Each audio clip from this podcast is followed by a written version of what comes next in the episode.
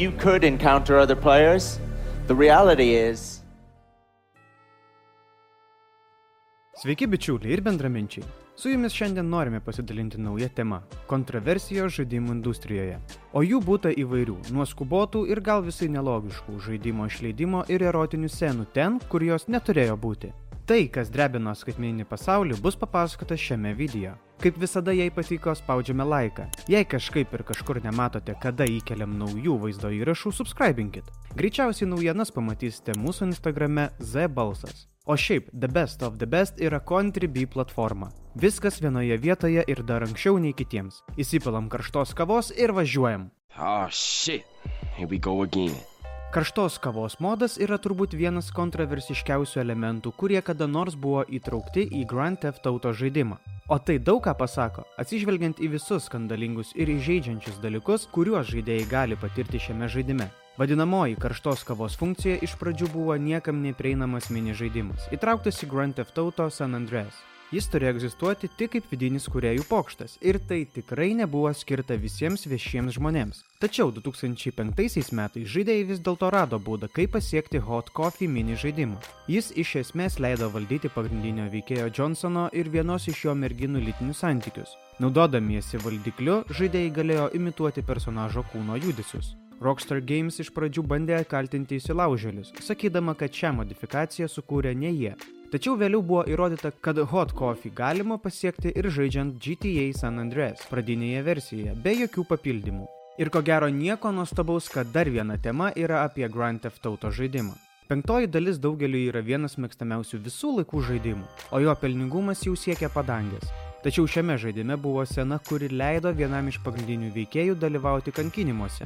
Dar blogiau, kad žaidėjai šios scenos negalėjo atsisakyti. Tai reiškia, kad žaidėjai privalėjo kankinti žmogų, kad galėtų tęsti žaidimo istoriją toliau. Beveik kiekvienas stambus apžvalgininkas, atkreipdamas dėmesį į šios misijos žiaurumą, tai įvertino ypač neigiamai. Star Wars Battlefront 2 tai 2017 metais išleistas žaidimas, kurio negalime painioti su žaidimu tuo pačiu pavadinimu, kuris pasirodė 2005 metais. Šios naujosios dalies beta versijos multiplayer režimas parodė, kad Electronic Arts žaidime esantys mokami lootboxai suteikia nemažą pranašumą, o tai reiškia, kad žaidimas buvo tiesioginė prasme pay to win. Tai yra, kad susimokėjęs už šias dėžutės žaidėjas tampa daug stipresnis už kitus. Electronic Arts bandydamas paaiškinti šią situaciją Reddit platformoje lėmė tai, kad postas surinko daugiausiai visų laikų neigiamų balsų. Ir tuo viskas nesibaigė. Tai privertė aplamai išnagrinėti lootboxes vaidmenį vaizdo žaidimuose ir nustatyti, ar jos neprieštarauja konkrečių šalių įstatymams dėl azartinių lošimų užuominos. Galų gale Electronic Arts tiesiog pašalino šią sistemą. Prieš pasirodydamas No Man's Sky skelbėsi kaip platus išgyvenimo ir kosmoso tyrinėjimo žaidimas. Greitai tapo nusivylimų ir neapykantos taikiniu. Jis gerokai nepateisino žaidėjų lūkesčių, kurie tikėjusi daug daugiau. Žaidimas buvo toks nuvilintis, kad tarkime Sony savo spaudos konferencijose jo visiškai nepaminėdavo. Tačiau beveik po trejų metų Hello Games išpirko savo kaltę ir savo aktyvių darbų jį patobulino taip, kad jis sunkiai sulyginamas su savo pirmtaku. Žaidimas šiuo metu išties puikus ir įdomus. Kam patinka išgyvenimo ar tyrinėjimo žaidimai, šį žaidimą išbandyti tiesiog privalu. Tačiau jam vis dar sunku įveikti pradinę prastos reakcijos bangą ir susigražinti tuos, kurie jį jau atmetė kaip didelį nusivylimą. Galbūt ne vienas žaidimas nebuvo toks didelis pastarosios kartos nusivylimas. Nebent Battlefield 2042, kaip Cyberpunk 2077. Žaidimas, apie kurį buvo pranešta dar 2012 metais. Dėl nuolatinių atidėjimų pasirodyti užtruko iki pat 2020-ųjų. Ir kai tai pagaliau nutiko, jis vis tiek atrodė sukurtas skubotai ir visiškai neišbaigtas. Be viso to, kuriai neįvykdė daugybės pažadų, kuriuos matėme žaidimo valandos vaizdo įraše dar prieš jam pasirodant.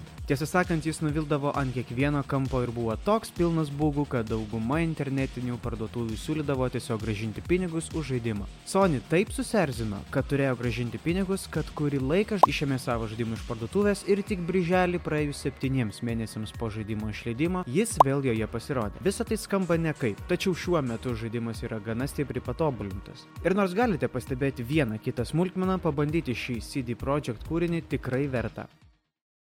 Microsoft apakino pasaulį įsigydama leidėją ir kurėją Activision Blizzard, sudarydama didžiausią įsigijimo sandorį vaizdo žaidimų istorijoje. Dėl šio netikėto išpirkimo iškilo daugybė klausimų. Pavyzdžiui, kokios franšizės dabar priklauso Microsoft? Ir ar Call of Duty dabar yra išskirtinai Xbox?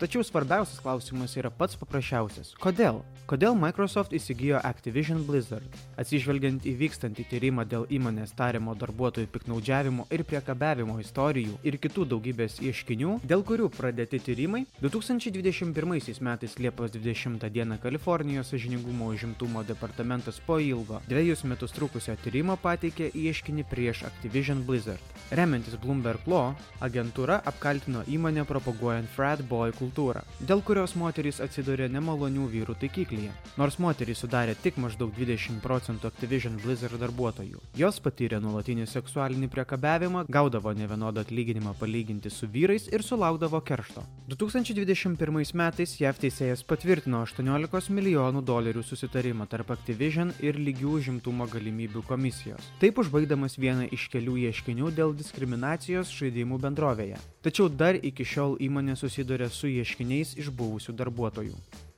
Dar visai nesenai 2022 metais rugsėjo 18 dieną GTA Forms vartotojas, vadinantis save Teapot Aber Hacker, paskelbė beveik 100 neleistinų vaizdo įrašų. Iš viso 50 minučių filmuotos medžiagos iš Rockstar Games labai laukiamo Grand Theft Auto 6. Bloomberg tai pavadino vienas didžiausių nutekėjimų vaizdo žaidimų istorijoje. Ir tai ko gero tiesa. Kita diena po video medžiagos paskelbimo, kurioje rodomas ankstyvasis žaidimas, šis hakeris vėl paskelbė, kad turi prieigą ne tik prie būsimo GTA 6 šaltinio kodo, bet ir prie penktosios dalies.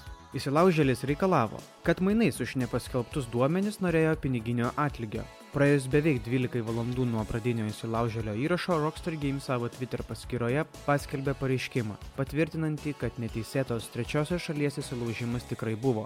Ji taip pat patvirtino, kad filmuotoje medžiagoje rodoma sekanti GTA dalis. Teiktių pateikė prašymus YouTube ir kitoms svetainėms įskaitant ir Reddit pašalinti vaizdo įrašus, remdamasi paraiška dėl autorių teisų pažeidimų. Tačiau vaizdo įrašai paplito gana plačiai ir iki šiol vis dar nesunku juos rasti internete. Ir už viso šio ažiotažo slypi ne kas kitas, o šiolikmetis iš Junktinės karalystės. Kiek vėliau tapo aišku, kad jis vadovauja organizacijai žinomai kaip Lapsus, kuri praeitįje taip pat buvo nusitaikiusi į tokias kompanijas kaip Microsoft, Samsung, Uber, Ubisoft ar Nvidia.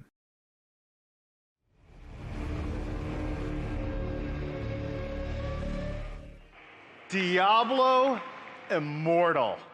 We are so excited about this game. Hey, uh, just was wondering, is this uh, an out of season April Fool's joke? Diablo gerbėjai kovoja su demonais ir grobsto retus lobius nuo tada, kai pirmasis žaidimas pasirodė lentynose 1996 metais. Tačiau vaizdas toks, kad po Diablo Immortal skirto mobiliesiams telefonams išleidimo, daugelis kovojo prieš patį žaidimą. Niderlandai ir Belgija net visiškai uždraudė naujausią Diablo žaidimą, nes tariamai išnaudojo savo žaidėjus, kad jie išleistų jame pinigus. Nors žaidimą galima atsisiųsti nemokamai, vartotojai gali sumokėti, kad padidintų savo šansus pelnyti vertingus daiktus. Vienas transliuotojas išleido daugiau nei 15 tūkstančių dolerių vien tam, kad gautų vieną geidžiamiausių žaidimo daiktų.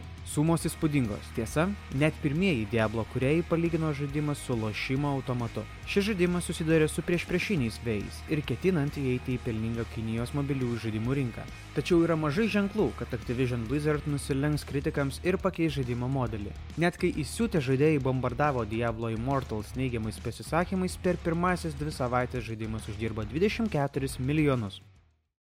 2021 metais galėjome stebėti nepaprastą finansinę istoriją, realiai kilusią iš Reddit. Jos dėmesio centre atsidūrė JAV mažmeninės vaizdo žaidimų prekybos įmonė. Minėtoje platformoje greitų tempų skelbiami memai galiausiai virto GameStop akcijų kainos raketa į menulį. Taip, realiai tai nutiko visiškai netikėtai ir be jokio rimto pagrindo. Tiesiog dėl daugybės įsitraukusių paprastų žmonių bangos. Tai buvo toks smarkiai didelis šuolis ir kai kuriems sukėlė tokius didžiulius nuostolius, kad šis įvykis tapo tapo JAV kongreso klausimu. Galime pasikalbėti apie skaičius. Melvin Capital investavo į GameStop akcijų trumpinimą, iš esmės tikėdamėsi, kad jos akcijų kaina tuo jau kris. Kaip paprasti žmonės pasitrauks iš mažmeninės akcijų priekybos. Ši įmonės pozicija nebuvo teisinga. Sausio mėnesį vienu metu akcijų vertė staiga pašoko 2400 procentų. Melvin Capital metus pradėjo turėdama 12 milijardų JAV dolerių ir iki sausio pabaigos prarado 53 procentus savo vertės.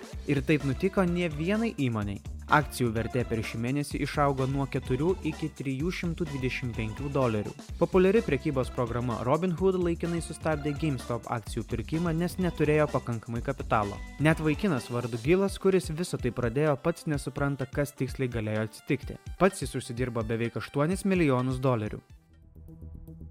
Hideo Kojima buvo vienas geriausių Konami studijos darbuotojų. Jis buvo Metal Gear Solid franšizės kuriejas ir daugiau nei 30 mečius dirbo šioje įmonėje. Kojima prisidėjo ir prie Silent Hill serijos. Tačiau 2015 metais dešimtmečius trukusi Konami ir Kojima partnerystė baigėsi siaubingai. Netrukus po nepaprastai populiaraus Silent Hills anonso išleidimo Konami paskelbė, kad nori rekonstruoti įmonę viduje. Nors tuo metu nebuvo aišku, ką tai reiškia, viskas greitai pakrypo į blogąją pusę. Konami tyliai pašalino Kojimos vardą iš bet kokios reklaminės medžiagos. Skirtos Metal Gear Solid 5 Ground Zeroes, Metal Gear Solid The Phantom Pain ir Metal Gear Solid The Legacy Collection. Žaidimas buvo pašalintas ir iš PlayStation Store, o Silent Hills buvo atšauktas. Reikalai pasisuko, kai Konami uždraudė Kojimai priimti savo apdovanojimą 2015 m. Game Award ceremonijoje. Galiausiai Kojima tiesiog įkūrė savo įmonę, pasimdama su savimi daugybę geriausių Konami kuriejų.